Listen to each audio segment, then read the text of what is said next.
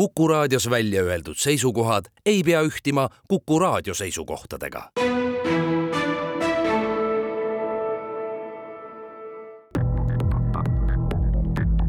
krimiraadio, Krimiraadio tere taas, eetris on värske Krimiraadio, nagu ikka on stuudios ajakirjanikud Raul Ranne ja Karel Reisenbuk ning eksperdina on meil abiks endine tipp-politseinik, poliitik ja kirjamees Andres Anvelt, kes tänasel päeval jagab oma teadmisi eraäris tänase saate teemaks on äh, kõik see, millega tegeleb äh, Keskkriminaalpolitsei, sest äh, teatava uhkusega saame öelda, et tänase saate külaliseks on just nimelt Keskkriminaalpolitsei suhteliselt värske juht Oskar Kross, tere tulemast Krimiraadiosse! tere kõigile, ilusat saabuvat jõuluaega! Oskar Kross, kuna te olete küber, küberkuritegevuse spets, varem juhtinud Keskkriminaalpolitseis vastavat büroodki, siis ju te ei pane pahaks, kui suuresti jääb me tänane vestlus just nimelt sellesse valdkonda no nüüd mul juba amet nõuab, et ma pean ikka teistel teemadel ka oskama rääkida, et äh, aga ja, et võimegi sellest alustada. Äh, käibefraasiks on saanud ütlemine, et äh, küberkuritegevus on aktuaalne teema, aga mis on tänase seisuga selle teema sees kõige nii-öelda aktuaalsem sektor? no kui me nüüd mõtlema hakkame, siis küberkuritegevus tihtipeale algab ikkagi sellest, et, et kurja, inimeste kätte satuvad andmed, mis nende kätte sattuma ei peaks. ehk siis äh, tegelikult, kui me niimoodi fundamentaalselt mõtleme, siis ikkagi igasugused andmelekked on see, millest kogu see asi arenema hakkab. et kui me mõtleme kelmuste peale, siis tihtipeale kelmuste läbiviimiseks on lihtsam, kui sa tead inimeste kohta mingit informatsiooni, mis tekitab juba usa-, ette usalduse, et, et sinuga suhtleb inimene, kes sinust midagi teab, eks ju. et äh, kui sa tead, et inimesel on kolm last ja koer sul on märkimisväärselt lihtsam tema, teda veenda selles, et, et, et sa oled usaldusväärne inimene, noh a la kas sa helistad näiteks, on ka olnud ju kelmusi, kus öeldakse, et ma helistan teile politseist, eks ju. et siuksed äh, pisikesed detailid on väga olulised, mistõttu ei maksa absoluutselt alahinnata igasuguseid äh, andmelekkeid äh, mida kahjuks juhtub, ehk siis, et süsteemidesse omandatakse ligipääs, kasvõi eelmisest aastast näide, kui äh, kui äh, Itella andmed, eks ju, kurjategijate kätte sattusid mm. -hmm. paratamatult seal on juba mingit infot inimeste, eks ju, eraelu kohta. et ma ütleks, et see on see koht, kus, kus kindlasti on oluline seda fookust hoida, kus erasektor, samamoodi avalik sektor peaks mõtlema väga hoolega, et, et kui hästi meie andmed tegelikult turvatud on. et mõnes mõttes see on see, kust asjad tihtipeale kahjuks alguse saavad no või kasvõi näide eelmisest äh, nädalast, kui oli suur geeniandmete leke, eks ole. aga Oskar Kross, äh, oskate teie äkki öelda, et äh, miks me ei saa ohjatud telefonikelmide ja investeerimispetiste seltskonda, kes juba aastaid on jõuliselt ikkagi meie inimeste pangakontosid tühjendanud? no kahjuks eks ta taandub ikka rahvusvahelise koostöö taha, eks ju, et äh, ega need kelmid äh, tihtipeale iseenda riigis neid kelmusi läbi ei vii, eriti kui me räägime küberkelmustest või telefonikelmustest äh,, siis tihtipeale need lähtuvad mingist muust riigist. nüüd on küsimus selles, et kas me suudame need isikud üldse tuvastada, kes seal on eriti arvestades seda, et kübermaailm paratamatult pakub äh, väga palju võimalusi üldse nii-öelda, et pakub võimalusi, et ära peita üldse need, kes need helistajad on, kust helistatakse, mis riik see üldse olla võib, kust need kõned näiteks lähtuvad. Äh, ja alles see jõudmine sinna, kus see kõik võib tulla, on alles esimene samm, järgmine samm on see, et kes need isikud on, kes seda organiseerivad, kuidas kogu see protsess käib Äh, ja see on äh, paras töö. Ja kuna see kõik on, eks ju, rahvusvaheline, see tähendab seda, et, et äh, infot peab koguma kokku mitte ainult siis sellest riigist, kus need inimesed on, vaid tihtipeale kuuest-seitsmest, võib-olla viieteistkümnest riigist, siis need menetlused kahjuks on keerulised, see on, see on lihtsalt paratamatu ja, ja teine probleem, mis on, on see, et, et isegi kui kõik see sammud läbi teha, ajalooliselt tegelikult neid äh, erinevaid kelme on ju tuvastatud ja on, on äh, kinni püütud, siis paraku tihtipeale see teine küsimus, kas me selle raha kätte saame? Ja see on veel omaette, omaette lugu, sest et kui kui kelm, inimesi on kelmitatud viis aastat, ega siis ei võeta seda raha ja ei panda ju kuhugi seifi ootele, et kui politsei tuleb, et siis näete, et seal on kõik raha, anname tagasi. Äh, noh, eks see raha läheb ikka, kas ta läheb luksusautodesse, reisimistesse, eralennukiga lendamisse, kuhu, kuhu iganes, eks ju, noh, see raha ju kulutatakse ära, see raha ei, ei, ei ole niimoodi üksi edasi. Ja see tähendab ka seda, et, et isegi kui inimesed kätte saadakse, siis kahjuks seda raha tagasi anda on ikkagi keeruline. Aga kas meil on noh, ütleme nüüd lähema perspektiivi vaatega võimalik öelda, et ikkagi mingisugune sellisem mastaapsem edulugu ka selles valdkonnas on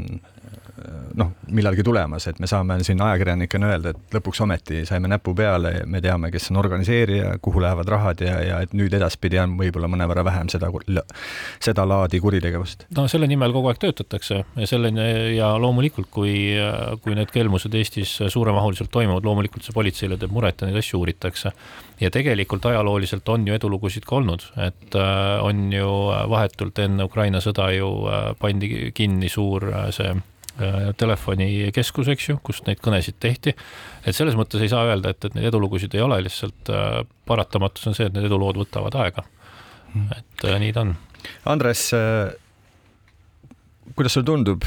kui sina omal ajal läksid keskkriminaalpolitseinikuks, kas toona küberkuritegevus oli niivõrd kõva teema, et noh, ütleme sinu tööletuleku intervjuudes mingisuguse arvestatava osa oleks võtnud? Ei no tööletuleku ajal Keskkrimkasse, ma arvan, meie kõige suurem küberkuritegu oli eh, üksteise suhtes, kes võitis ussimängu, eks. aga kui nüüd rääkida tõsisemalt, eh, siis muidugi üheksakümnendate teine pool eh, hakkas see probleem meeletult uksest aknast sisse lööma.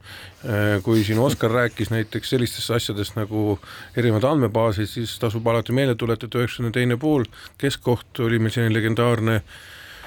ütleme, küberkurjategija kui ka, ka narkokurjategija, kes sai endale traagilise lõpu pärast amfetamiinilaborist, see oli keegi Perli mm, -hmm. kelle siis kurikuulus andmebaas, mis oli oma aja kohta tegelikult nagu öeldakse, eh, tehniline saavutus, sest ta sai erinevate riigisüsteemidesse eh, kätte erinevaid jupid, erinevaid andmebaase ja pani selle kokku paremini, kui politsei üldse riik oskas tookord panna ja müüs seda tegelikult mustal turul. ehk eh, peab nüüd ausalt tunnistama, et ka politsei mustalt turult selle endale hankis selleks, et operatiivtööd kiirendada, sa nägid ühest aknavaatest, nägid tegelikult seda, äh, kelle, mis auto kuulub ja kus ta elab ja kõik muud asjad, mis siis pärast arenes, ütleme selle, ütleme selle näitel siis hakati arendama juba seda, mida me oleme kõik lehest lugenud, näiteks Kairit või teisi politsei andmebaase ja, ja teine asi, mis sinna juurde veel tuua mis oli esimene suur selline, ta ei olnud küll niivõrd kelmustega seotud, aga ikkagi võib öelda, see oli selline äh, side äh, või äh, sidevahendite äh, siis äh, korrumpeerumine. Ehk äh, kui äh, vanemad kuulajad mäletavad sellist äh, telefonisidega süsteemi nagu NMT kunagi, mis oli esimene, mis tuli Eesti turule EMT kaudu. Ehk see oli siis nii-öelda analoog mobiilne side. Siis kurjategijad kasutasid laialdaselt mustalt turult ostetud telefone, mis kodeeriti ükskõik kelle numbrile -hmm. ehk tegelikult see, mida me praegu kuuleme, eks ju, kasutatakse sõbra numbrit ja ka selle numbri pealt tehti siis väljapressimiskõnesid, kõiki muid asju mm, -hmm. nii et kõige, tegelikult need eh, süsteemid olid olemas, võib-olla neid, kes kurjakad ei oska nii hästi veel kasutama hakata, kui juba siis sajandivahetuseks. aga ma tulen eh, korra tagasi sellest ajast äh, tänapäeva ja küsin, Oskar sinu käest, et on olemas küberkuritegevus äh,, on organiseeritud kuritegevus, mille uurimisel tuleb ajada nii-öelda kübermaailmas jälge, jälgida rahade liikumist, leida varikontode taha peitunud äh, tegelasi, uurida inimeste küberkäitumist, mida iganes. aga millist tööd teeb küberkuritegude büroo ikkagi? Siis Keskkriminaalpolitseis? keskkriminaalpolitseis, just äh,. küberkuritegude bürool on tegelikult neid ülesandeid võrdlemisi laialt, et, et äh, üks on kogu digitaalkriminalistika pool, mis on siis seotud äh, üle-eestilise kõikide kriminaalmenetluse raames äh, ära võetud igasuguste seadmete ja nendega toimetamisega, aga, aga siis teine pool, mis nüüd seda küberkuritegude poolt puudutab, siis on äh, teabe kogumine ja küberkuritegude menetlemine. et äh, täpselt need ülesanded seal ongi et äh, ja kuna aastate jooksul on äh, küberkuritegude büroosse ka tehnilist kompetentsi omajagu kogunenud, siis äh, teatud määral tegeletakse ka siis niisuguste küberspetsiifiliste tööriistade arendusega, mis siis hõlbustavad neid kriminaalmenetluste läbiviimisi, et niisugune üldkompott aga teeme siin ühe väikese pausi, aga enne pausi ma tuletan veel meelde kuulajatele, et meie saates on võimalik osaleda läbi Whatsappi, kui kirjutada numbrile viiskümmend kolm neli null viis viis viis null ja võimalusel küsime kas teie küsimused või, või arutame läbi teie mõtted. krimiraadio, Krimiraadio krimiraadio jätkub, stuudios on ajakirjanikud Raul Ranne ja Karel Reisenbuk ning eksperdina on meil abiks endine kriminaalpolitsei juht Andres Anvelt. saatekülaliseks on Keskkriminaalpolitsei tänane juht Oskar Kross ja võib-olla tavapärasest rohkem räägime täna küberkuritegevusest, sest äh, Oskar Krossi pädevus on just selles valdkonnas väga tugev Oskar Kross, erinevalt äh, paljudest ikkagi teie eelkäijatest, teie politseikoolis äh, ju käinud ei ole, te tulite kesk, keskkriminaalpolitseisse hoopis Helsingi ülikoolist, kus te olite kaitsnud doktorikraadi informaatikas. Ja kahe tuhande viieteistkümnendal aastal kuulsite võimalusest kandideerida Keskkrimka küber, küberkuritegude büroo juhiks. millest selline karjääripööre, teil oli võimalus ju teha ja jätkata hoopis teadlase karjääri mm,? huvitav küsimus, et äh, ühelt poolt see tundus väga intrigeeriv valdkond, aga eks see oli natuke eluline ka, et ma pidin äh, nii-öelda tahtsin Eestisse tagasi kolida äh,. ja kui päris nüüd lõpuni aus olla, et seda teadust ma nüüd suutsin teha nii palju, et ma selle doktorikraadi ära kaitsesin, aga kas ma oleks olnud fenomenaalne teadlane, ma sügavalt kahtlen, et et on väga palju targemaid inimesi, kes teevad seda palju paremini aga, aga kuna see, pluss veel see, et, et mulle pakub huvi ka võib-olla mitte nii palju teoreetiline teadus kui rakendusteadus rohkem, siis mm. küberkuritegude lahendamine tundus mulle intrigeeriv, et, et just sellepärast, et kuhu maailm liigub, kas need asjad, mis ma õppinud olen, kas need kuidagi siis aitavad ka selle küberkuritegevusega tegeleda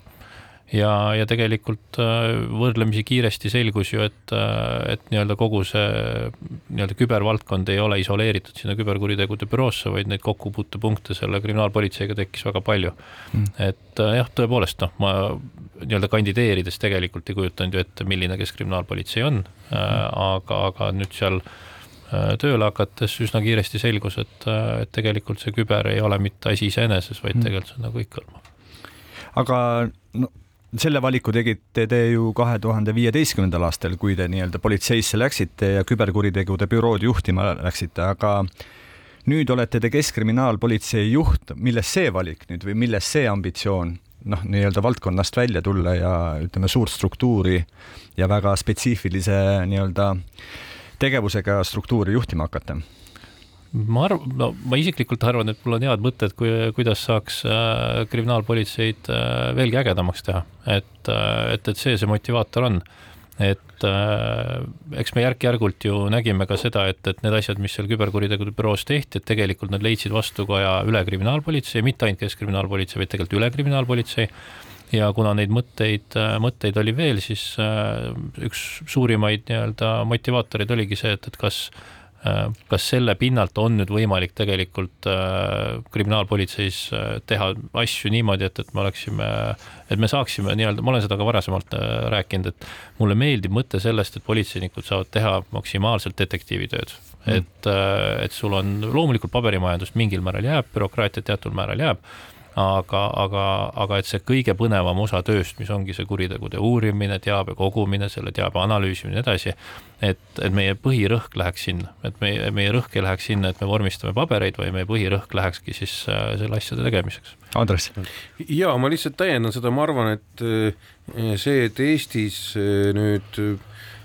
taasiseseisvunud Eesti ja, ja kriminaalpolitsei kolmas aastakümme ja kriminaalpolitseid juhib eh, just Oskari taustaga mees, on, on,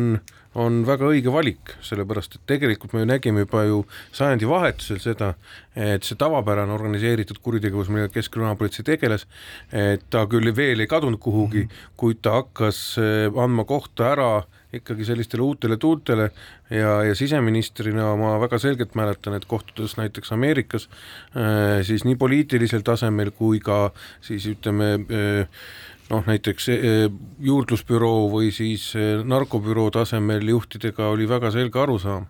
Et see maailm, kus me täna oleme, valib, vajab täitsa teistmoodi lähenemist. et näiteks küberkuritegusid ei tehta kartellidega nagu selles mõttes -hmm. ta on pigem projektipõhine ja kogu see menetlus on, ma arvan, täitsa noh, teises suunas pihta hakkav, nii et ma arvan, et see valik, et mis Eesti riik tegi Oskari näol ja Oskar ise tegi Eesti riigi ja Keskkriminka näol, oli minu meelest ainuõige, ma arvan, näeme selle viljasid veel kindlasti aastate jooksul palju on tulnud ka üks äh, küsimus tegelikult äh, kuulajalt äh, siia Whatsappi, et ma katsun selle suhteliselt kiiresti ära küsida, kõigepealt selle on saatnud Rain Pärnust, Rain on meie kuulaja on ka varem meilt küsinud, ta kõigepealt soovib õnne, Oskar, teile uue ameti puhul. suur aitäh! aga tema küsimus on selline, et tema konto, sotsiaalmeediakonto siis kaaperdati koos identiteediga paar aastat tagasi, mille tulemusena pakuti sadadele inimestele Äh, niinimetatud tema poolt loteriivõite, mille tulemusena kaotasid inimesed ka raha. Et ta on teinud ka politseisse avalduse, mille vastust ei ole mitu aastat tulnud, see vastus ei olegi tegelikult oluline, vaid saan aru, et kui ei leita inimest IP aadressi järgi, siis kuidas ei leita inimest, kellel on konto, kuhu petetud inimesed raha kannavad, konto on inimese või firma põhine, neid peaks olema võimalik ju identifitseerida nii Eestis kui mujal maailmas. Et, et kuidas ei ole võimalik siis äh, leida konto järgi inimest, tundub kuidagi nagu lihtne ja esiteks ma seda konkreetset kaasust ei tea, et, et äh, miks seda vastust tulnud ei ole, et, et kindlasti sel teemal võiks uuesti kirjutada, et, et me oleme ikka selle ilusasti kätte saanud, et see tegelikult see ei ole hea, kui, kui meie poole pöördutakse ja siis jääb selline tunne, et, et, et see läheks nagu musta auku, et, et politsei ei tohiks selline olla, et et selles mõttes vabandused esiteks selle eest.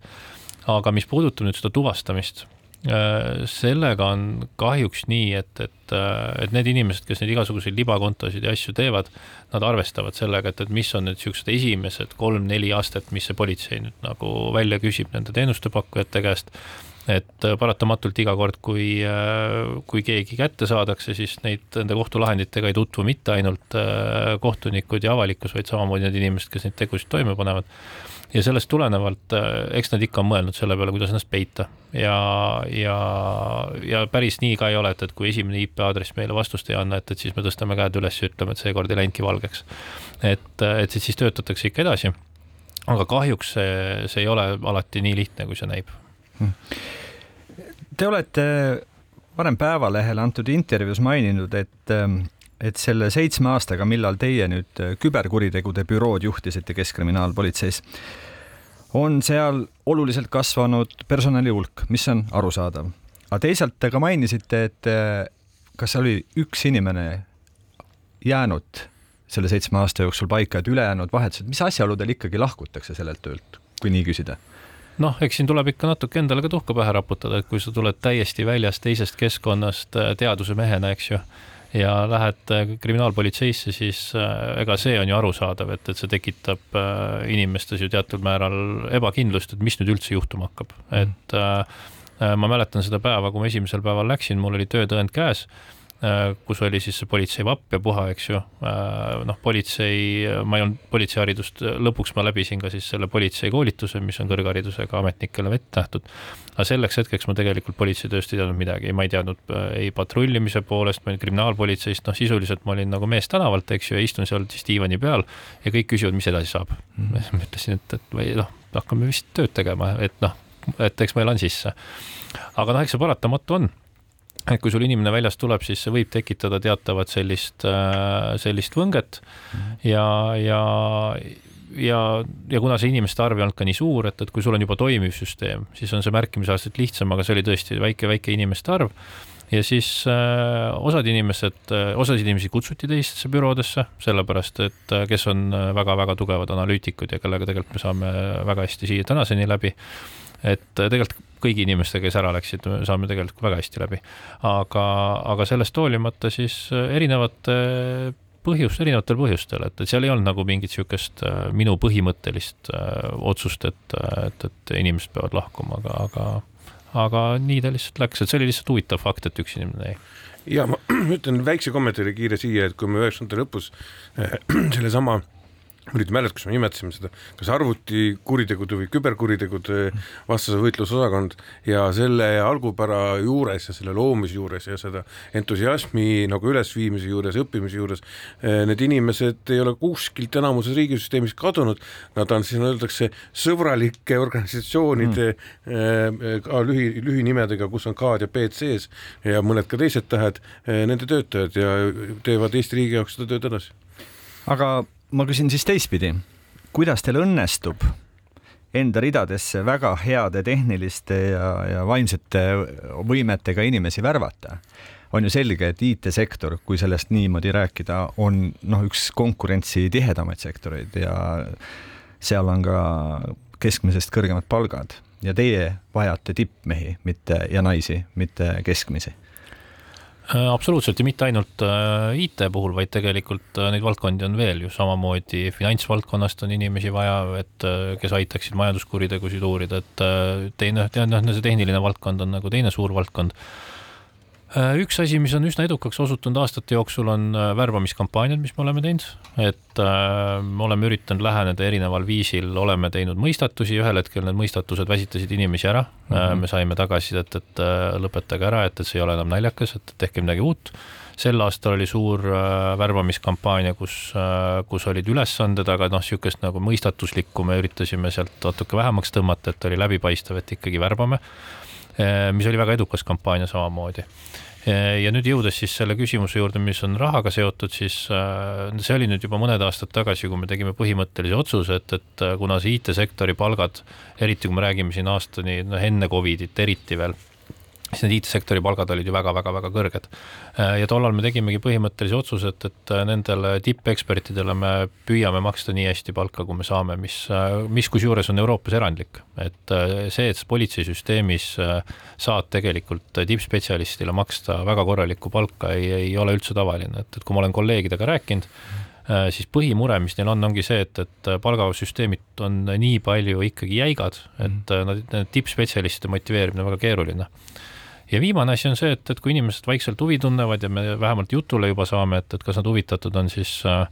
üks lause, mis me oleme alati öelnud kõigile, on see, et, et Keskkriminaalpolitsei on koht, kus saab teha seda, mida sa mitte kuskil mujal teha ei saa. No mõistatusi te ise mainisite, ma ei saa jätta küsimata, nimelt äh, praegu Keskkriminaalpolitsei küberkuritegu küberkuritegude bürood juhtiv äh, Aga Ambur ju täpselt nii teile leitud äh, saigi iseäranis põneva mõistatusega, rääkige sellest natuke lähemalt. Ja see oli veel algaegadel, kus äh, ütleme, et see mõistatus oli lausa üsnagi triviaalne lõpuks, sest et tollal me hakkasime siis otsima tehn-, tehnilise taibuga inimest ja siis sinna töökuulutuse alla ma lihtsalt kirjutasin hästi lihtsa äh, Äh, Caesari šifri. Caesari šifr on siis see, kui, kui tähestikku nihutatakse ühe-kahe võrra edasi, ehk siis näiteks A muutub C-ks ja B muutub D-ks. ja siis ma viskasin selle sinna alla. siis ta lahendas selle ära ja kirjutas, et, et põnev kuulutus ja et, et ta on, et ta on esimesel kursusel ja et, et ta oleks isegi lausa huvitatud ja ja, ja siis, siis me saime kokku ja, ja siis ta tuligi tööle. ja mitte niisama mees ei tulnud tööle, ikka ikkagi tipptegija absoluutselt ja seda juba üheksateist aastaselt, kui ta tuli, nii et, et ta oli äh, juba tol ajal teadis äh, arvutitest väga-väga palju rohkem, kui mina ilmselt elu jooksul üldse teada saan. aga teeme siin taas väikese pausi. krimiraadio, Krimiraadio krimiraadio läheb edasi stuudios ajakirjanikud Raul Ranne ja Karl Reisenbuk endiselt ning eksperdina endine Keskkriminaalpolitsei juht Andres Anvelt ning tänane Keskkriminaalpolitsei juht Oskar Kross. Andres, me siin enne pausi rääkisime sellest, et Oskar saab oma tippspetsidele maksta ikkagi sektori nii-öelda eraettevõtte sektoriga võrreldavaid palku, tippmeestele tipppalka. kuidas see sinu kõrvadele kõlas, selle, võrreldes selle ajaga, kui sina Keskkriminaalpolitseid juhtisid? no kesk, keskkriminaalpolitsei juhtimine eh, omal ajal kindlasti andis võimaluse saada natukene paremaid palgatingimusi oma töötajatele, aga noh, sellist eh, nüüd siis palgavahet organisatsioonis sees oli suht võimatu, nii et, et ega see oli samasugune jäik, nagu Oskar ütleb, nagu mujal maailmas, ma tõesti pean ütlema, nii ongi äh,. aga äh, see suund äh, ikkagi pidevalt sinnapoole oli, et, et jällegi juba järgmises eluetapis äh, kui me Elmar Vaheri peadirektoriga arutasime seda, siis noh, minu kindel ka soov oli see, et, et me peame sinna selleks inimesi leidma, et peame tegema neid erandeid, kuidas neid inimesi sinna saada ja tegelikult seda raha sinna saime, aga iseenesest eh, fakt on see, et eh, kui me praegu räägime, kuidas saada inimesi, siis tol ajal, kui me lõime küberkuritegude bürood, siis oli kõige tähtsam, kuidas ja kuskohast saada tehnikat, kus saada häid arvutisüsteeme, serverid ja kõike muud sellist. Eh, inimesed olid väga entusiastlikud ja olemas, aga ei olnud seda, mille pealt oksida, nagu öeldakse ma veel ühe küsimuse värbamiste kohta küsin, et äh, siin oli enne juttu, et on abiks olnud kõikvõimalikud noh, väikesed mõistatused või, või ülesanded, millega siis terad sõkaldast eraldada ja tõelised spetsid ja huvilised nagu enda juurde meelitada ja need teised niisama huvilised eemal hoida, aga mulle meenub üks krimina-, kriminaalasi, kus üks eh, nii, nii-öelda häkkerite punt puistas omal ajal Walmarti kauplusketti Ameerikas ja see punt otsapidi oli seotud minu mäletamist mööda Venemaa Novosibirski lähedal asuva matemaatikute linnaga. no see selleks, need on niisugused liigsed detailid kui seda asja menetleti ja lõpuks kohtusse viidi, siis minu mäletamist mööda FBI ütles ühele ninamehele, kes seal siis kuskil Venemaal pesitses, et, et sa võid ka vangi minna, aga me oleks, meil oleks väga hea meel, kui sa tuleksid meile tööle. noh, nad nägid ilmselgelt seal geeniuse algeid ja nägid ka seda, et seda meest on mõistlikum paremini kasutada kui vangis hoida. kuidas, kuidas see teie kõrvadele kõlab, et kas selline värbamispraktika võiks kõne alla tulla? Ma olen seda kunagi FBI kolleegide käest ka küsinud, et ma, nii palju kui mina aru saan, siis on üli-üliharuldane, et midagi sellist üldse tehakse, et äh, üks on kindlasti Frank Abagnale Jr, kes võeti tööle, eks ju, seda me teame filmist Püüa mind kinni või kui kätte saad, kuidas iganes see mhm. eesti keeles on. Äh, aga ma kujutan ette, et see on ühe käe sõrmed, keda üldse nii on värvatud, et äh, noh, arusaadavalt ju riskid on suured, eks ju, et, et kui inimene on juba astunud selle sammu, et ta ikkagi Äh, häkib kuhugi ikkagi pahatahtlikult sisse eesmärgiga kas raha teenida või inimestelt, ma ei tea, raha välja pressida ja nii edasi. Äh, kas siis see politseile tööle võtmine siis äh, lõpeb nüüd sellega, et, et, et seal nii-öelda politseis tekib mingid probleemid või mitte ehk siis meil, meil sellist praktikat ei ole. ma et, ühe asja nüüd ütlen siia juurde, et see kasu-, te käite kogu aeg ühe sama sõna ümber, et, et värbamisi on ka erinevaid, värbamisi on tööle värbamine mm, -hmm. politseinikuks, aga mingeid selliseid riskantsemaid inimesi värvatakse tihtipeale ka natuke teisel tasemel, nii et, et ka see on värbamine. seda küll, jah. et aga jah, et, et selles mõttes äh, ei, et noh, et tegelikult meil on ju lõpuks me oleme alati leidnud, kui meil on tühjad kohad olnud, me oleme leidnud endale väga-väga kihvtid inimesed ja neil ei ole nagu seda tausta olnud. no aga ma meenutan saate algust siin, Andres rääkis Imre Perlist, eks, kes pani kokku omal ajal kättesaadavatest ja vähem kättesaadavatest andmebaasidest sellise andmebaasi, mida hiljem politsei ise temalt ostmas käis. et kas selline persoon, sellise leidlikkusega persoon võiks noh, ütleme tänasel päeval Keskkriminaalpolitsei küberkuritegude büroole huvi pakkuda kui kaastöötaja mm.? No seda, kahjuks seda, et, et millised inimesed ja kuidas, et, et seda, seda ma vist ei saa hästi-hästi rääkida, et aga tööle me kahjuks ei võta, ma arvan, et õnneks ei võta inimesi, kellel, kes on kriminaalkorras karistatud. arusaadav. Läheme edasi. Ähm, aeg liigub ikkagi kiiresti, elu ja kuritegevus meie ümber muutub samamoodi pidevalt ja kiiresti kuidas ikkagi ära tunda, et kuhu ja kuidas areneb kuritegevus, et ähm, sellega võitlusel valmis olla no see on ju igavene küsimus, et, äh, et siis, kui politsei leiutas viisi, kuidas sõrmejälgi võtta, siis äh, pandi kindad kätte äh, aga kindaid me ära ei keelustanud, eks ju, et, et siis kindaid võis ikka kasutada. et ähm, aga eks see laias laastus tekibki ju sellest, et kui heas infoväljas me ise oleme, et, et kui palju meil on aimdus selles, et kus suunas asjad võiksid liikuda. eks seda infot tuleb ju politseile erinevalt, erinevalt poolt samamoodi, eks me anname endast parima, et jälgida aren-, nii-öelda arenguid majanduses, arenguid äh, erinevates valdkondades äh,, kasvõi arenguid seadusandluses, sest noh, seadusemuudatus tihtipeale võib ju tekitada mingi, mingi resonantsi, et äh, ütleme, niisugust väga pikka tulevikku ette näha on äh, noh, keegi ei suuda seda teha, eks ju, et, äh, et aastal kaks tuhat üks me pidime juba kosmoses olema ja, ja, ja kui me kosmose Odüsseiat vaatame, noh, seda tegelikult sellisel kujul ei juhtunud. ja ega siis igasugune ennustamine on tänamatu töö. aga ütleme, niisuguseid lühiajalisi trende mõned aastad, eks me natukene oskame ette vaadata, aga lõpptulemus on ka see, et, et Äh, jälle, kui me mõtleme nüüd nagu niisugusel baastasandil, siis see küsimus ei ole tingimata ju mitte see, et mis siis nüüd täpne moodus operandi on, vaid pigem, et me nagu teame seda, et mis on need äh, meie nõrkused, et kas on mingid viisid, kus me infot kätte ei saa, kas on mingi, võtame kasvõi krüptoraha, kas selle krüptorahaga saab teha mingeid asju, kuhu me jälile ei saa, et et pigem teadvustada neid nõrkusi, mis on ja üritada siis neist kuidagi üle saada. Äh, ma arvan, et see on võib-olla isegi niisugusem äh, süstemaatilisem töö kui, kui see, et, et üritada ennustada, mis kahe aasta pärast siis konkreetne moodus operandi olla võib. no okei okay,, me ei räägi ärme räägi siis ennustamisest, aga räägime tänase päeva seadustest ja märkidest või ütleme, seaduseelnõudest ja siis keskkonnast, mida me lähema kolme aasta jooksul nägema hakkab, hakkame äh,? millises sektoris no selles... tõenäoliselt hakkab juhtuma seadusrikkumisi rohkem senisest? Äh, no käesoleval hetkel ikkagi äh, me räägime väga palju valgekraelisest kuritegevusest, eks ju, et, äh, et majanduskuritegevus, samamoodi organiseeritud kuritegevuse puhul on tunne, et, et üha enam ikkagi liigutakse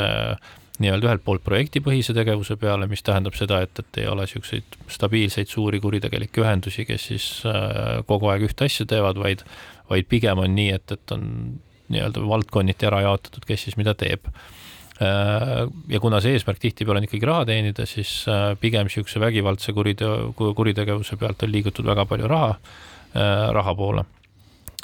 see on nagu niisugune üleüldine trend, mis viimased aastad on olnud ja tegelikult seda on Keskkriminaalpolitsei juba mõned aastad rääkinud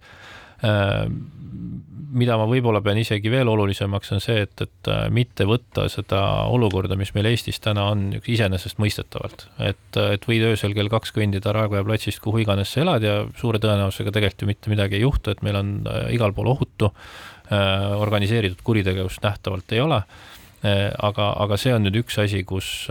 kus kindlasti on oluline see, et, et me ei, et me ei arve, et me saame aru sellest, et see on meie töö tulemus ühelt poolt ja teiselt poolt ka see, et, et me ei jää loorber, loorberitele puhkama siinkohas, et et selles mõttes elu on muutlik ja, ja kuna nii-öelda ühiskond ja kõik, kõik muutub kogu aeg, siis see, mis on täna hästi, ei pruugi olla homme nii ja selle nimel me tööd teemegi, et Eestis oleks endiselt turvaline ka viie aasta ja kümne ja kahekümne aasta pärast. Andres? ja ma lihtsalt täiendan, et keskkonnaamet juba üheksakümnendatel pani väga suurt rõhku ja see oli, nagu öeldakse, temale ka äh, siis riiklik tellimus et menetluse kõrval, äh, nii jälitus kriminaalmenetluse kõrval siis tegeleda ka analüütikaga, äh, see on, ma arvan, arenenud täna keskkonnaapolitsei puhul niisuguseks maailmatasemel tegevuseks. Ja mis see tähendab, see tähendab seda tegelikult, sa pead hindama väga palju ka väliskeskkonda. et mitte ainult see, mis meil Eestis toimub, mis trendid on, aga mis toimub ümberringi. Ja kindlasti ma arvan seda, et järgnevate aastate jooksul me näeme erinevaid ka äh, Ukraina sõjaga seosnevad, kaasnevaid kajasid, äh, mis puudutab nii inimeste põgenike liikumist, mis puudutab igasugust äh, noh, mida me oleme juba näinud, eks ju, äh, ka peidetud heategevuse taha peidetud tegevust, pettuseid, relvaturul toimuvaid pettuseid ja ükskõik ülekandeid ja mis iganes. Ja, ja muidugi ma arvan, et midagi ei ole teha, kuid kuritegeliku ja majandusliku ja finantspettuste taga on üha suurenev tegelikult Euroopa Liidu kui eh, raha eh, nagu öeldakse siis eh, andja või raha kulutaja roll ja seal pettuste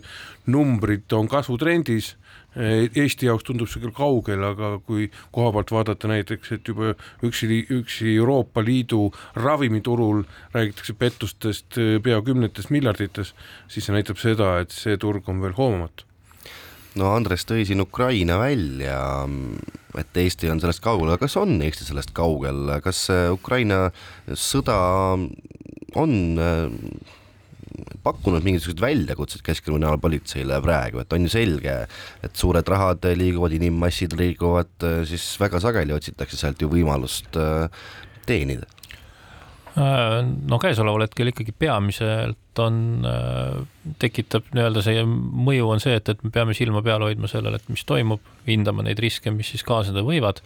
aga otseselt nüüd küll ei saaks öelda, et, et see mõju tänaseks on siia jõudnud, et noh, kasvõi kui me äh, siin eelnevalt sai mainitud, eks ju, relvade teema, siis mm. loomulikult relvad on teema, mille puhul hoitakse silmad lahti, suheldakse välispartneritega aga, aga antud hetkel ilmselgelt ka Ukrainas on neid relvi vaja Venemaa vastu sõdimiseks, et äh, mitte neid mööda Euroopat ringi laotada. et selles mõttes äh, see, seda antud hetkel me ei näe, et, et see oleks äh, teema. ma tahtsingi siin võib-olla täiendada seda, et sõjakaja ei tähenda mitte seda, kui sõja, sõda käib, see on üks olukord. kui sõda lõpeb on... ja hakkab toimuma näiteks kas, kas seesama Ukraina ülesehitus, Ukraina võidab ja kõik muud asjad mm, -hmm. siis on nendel relvadel teised funktsioonid mm, -hmm. siis on väga paljudel inimestel teised funktsioonid ja rahadel ka natuke teised mm -hmm. funktsioonid kas ma olen õigel teel, kui ma rääg-, ütlen, et suurte rahade ja suurte pettuste teema on nii-öelda rohepööre ja rohepesu teema? kuidas teile tundub? kindlasti oluline valdkond, kuhu, kuhu me oleme ka sisse vaadanud ja oma fookust pannud, et äh, eriti kui mõelda selle peale, et äh, rohepöörde toetused peaksid olema suurusjärgus miljard äh, mm. lähiaastatel, siis äh, see on kindlasti see koht, kus äh, kus Keskkriminaalpolitsei peab vaatama, et, et need rahad jõuaksid sinna, kuhu nad jõudma peavad. et äh, ja, ja kuna see meil fookuses on, siis me anname endast parim, et rahad jõuaksid õigesse kohta aga sellist äh, konkreetset kuritegelikku rohepesu olete ka tuvastanud, noh, kus ilmselgelt äh, kogu see nii-öelda raha teenimine on peidetud mingisuguse noh, rohelise mula taha, mida tegelikult olemas ei ole. no see kahtlustuse kohaselt võib-olla me võime rääkida Olerexi kriminaalasjast, eks ju, mis olemuslikult võiks ühe sellise näitena tuua. Äh, rõhutan uuesti, et tegu on ainult kahtlustusega, eks ju et äh, aga, aga rohkem väga konkreetseid näiteid ei oska antud hetkel ei oska tuua. aga teeme siin jälle väikese pausi. krimiraadio, Krimiraadio krimiraadio jätkub ja jätkuvalt on stuudios ajakirjanikud Raul Ranne ja Karel Reisenbuk ning eksperdina on meil abiks Andres Anvelt. ja muidugi on meil suur au võõrustada tänases saates kriminaalpolitsei juhti Oskar Krossi organiseeritud kuritegevus on ju rahvusvaheline. Eesti jõustruktuuridel ja ka Keskkriminaalpolitseil on äh, loomulikult väga head tööalased kontaktid nii soomlaste, rootslaste, teiste Euroopa riikide ja ameeriklastega. aga kui palju on tänasel päeval näiteks koostööd äh, hoopis Venemaaga, Hiinaga? Äh, Venemaaga mitte. Hiina puhul eks see rahvusvaheline koostöö valdavalt ikkagi on ju natukene lähtub ka geograafilisest nii-öelda paiknemisest, et et Hiinaga pigem vajaduspõhiselt, et äh, kuigi julgen öelda, et, et neid juhtumeid väga palju ei ole, kus siis, kus siis Hiinast oleks mingit informatsiooni vaja. aga kui Venemaaga tööalaseid kontakte pole, siis kuidas ikkagi menetleda neid noh, küberrünnakuid või küberkuritegevusjuhtumeid, neid sealt tuleb ju ikka jälle. No eks äh, sarnaselt äh, nagu ikka, et, et äh, eks see on jälle koht, kus me välispartneritega koostööd teeme. et, et teatud juhtudel on võimalik neid menetlusi ka teha nii, et, et see konkreetne riik siis omalt poolt infot ei anna, ehk mhm. siis kuna see kübermaailm on suur ja lai, eks ju, et, et eks seda, siis tuleb seda küberinformatsiooni otsida kas siis internetist või partneritelt, et et äh, nii ta paraku ja nii ta on, nii ta on. muide, teiesugune spets ilmselt ju võib et-, öelda, et, et kas need äh, küberrünnakud või mis Venemaalt tulevad, kui sageli te näete, et need on kuidagi otsapidi ikkagi noh, Vene riigi tellimusel tekitatud või riigile läheda-, lähedaste organisatsioonide korraldatud? Äh, vot seda tegelikult niimoodi äh, mina ei oskagi öelda, et, et äh, neid menetlusi küberkuritegude büroo ei menetle, et küberkuritegude büroo on ikkagi keskendunud kurjategijate tabamisele. et, et jah, selle, siin ma jään kahjuks vastuse võlgu aga kas tänaseks päevaks seda on võimalik teil öelda, et kes näiteks on viimasel ajal koolidele saadetud massiliste pommiähvarduste taga ikkagi? Äh, see on see klassikaline koht, kus kriminaalpolitseinik peab erineval viitel viisil ütlema, et kahjuks ei saa öelda et, et kuna see on käimasolev menetlus, siis kahjuks ma ei saa seal äh, detailidesse minna. aga, aga taaskord see on äh, jälle koht, kus loomulikult nii Keskkriminaalpolitsei kui ka siis prefektuuride kriminaalbürood omavahel suhtlevad ja, ja seda loomulikult uuritakse. aga seda ühte asja saate te kindlasti aidata mul aru saada, mis asi on pime veeb, ma ikka ja jälle loen noh, krimiuudiseid või lausa ise olen kohustatud neid tegema ja seal põrkan ma kokku mingi sellise olukorraga, kus äh, pimeveebis mingisugused keelatud kaubad liikusid, ostetati, vahetati, müüdi, olgu see siis, eks ole, kas lapsporno või lõpetades relvade või narkootikumidega, kõik see toimub pimeveebis, aga mis asi see on, kui me nüüd raadiokuulajale kes ei ole väga asjaga kursis, püüame lihtsalt selgitada. Sisuliselt seda terminit kasutatakse selleks, et kirjeldada ühte tehnoloogilist süsteemi, mille mõte on selles, et kõik veebilehed, mis selles süsteemis asuvad, neid ei ole, nende asukohta ei ole võimalik tuvastada. samamoodi ei ole võimalik tuvastada seda, et, et kes neid veebilehti külastab. Ja see on, seda nimetatakse nii-öelda Tor võrgustikuks või siis nii-öelda tõlkena teda nimetatakse nii-öelda sibula võrgustikuks ja see mõte on lihtsalt selles, et, et seda liiklust juhitakse läbi erinevate arvutite, see on spetsiifiliselt krüpteeritud nii, et, et sul ei ole võimalik aru saada, kust see liiklus tuli ja kuhu ta läp-, läks. ja, ja see ongi kogu selle asja tuum, seal tegelikult see ei ole midagi, mingit niisugust midagi müstilist. See põhjus, miks äh, nii äh, ütleme siis äh, laste seksuaalse väärkohtlemisega seotud teemad, miks relvade, narkootikumide müük ja kõik see, miks see toimub, on sellepärast, et kaks asja on väga keeruline tuvastada, üks on see, kus see leht on, teine on see, kes seda külastab ma lihtsalt või... ütlen ühe mm. asja vahepeal, tuua paralleeli, et võib-olla ütleme, asi tuleb lihtsamaks teha sulle, Raul. ehk siis, kui kunagi oli Tallinna Sadamas oli selline asi nagu sadamaturg, sadam, sadamarket, mis kuulus Tambovi grupeeringule mm -hmm. ja kus siis müüdi kõiki võimat-, keelatud kaupa ja kui politsei tuli sinna reidile, siis kõik asi oli kadunud mm. -hmm. ja niimoodi kümneid kordi järjest, kui lõpuks sai aru, et selle turu keskel tehti sein-, seinte mõõtmised, selle turu sees oli sisuliselt teine ruum, mis oli palju suurem, kui väljaspool tundus ehk siis, kui politsei üheskoos tuli sisse, viidi kõik asjad sinna tumedasse tururuumi. et see pime veeb on siis küberallilm või? jah, et maakera, mille sees on veel suurem kera oh, väga, väga-väga huvitav kuivõrd Keskkriminaalpolitsei suudab kontrollida seda küberallilma, kui, kui, kui noh, nii-öelda kättesaamatu või kontrollitav see tegelikult ütleme teie spetsialistidele on? no ei, ta ei ole kontrollitav, selles mõttes ta on tehnoloogiline lahendus, mis töötab nii, nagu ta töötab. Äh, kui seal on vaja menetlusi läbi viia, siis meil on äh, nii partnereid välismaal kui, kui ka eksperdid Eestis, kellega siis saab äh, neid asju seal toimetada. ühesõnaga, olete kohal seal? vajadusel. no kui hästi teevad ikkagi meie korrakaitsestruktuurid koostööd, noh, prefektuurid, Keskkrimka, Maksu- ja Tolliameti uurimusbüroo näiteks?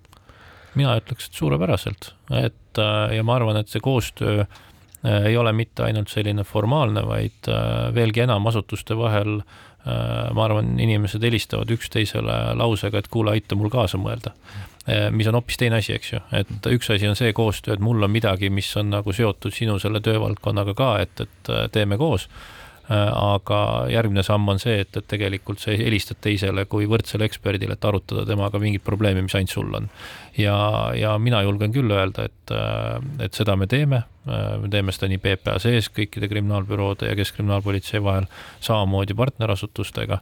Et, et vähemalt mina arvan, et, et see on niisugune lakmuspaber. Koostööst on see, kui sa teiselt lihtsalt nõu küsid no igas süsteemis on siiski kohti, mis äh, tahavad järeleaitamist või kus on arenguruumi, kus võiks olla teie arvates noh,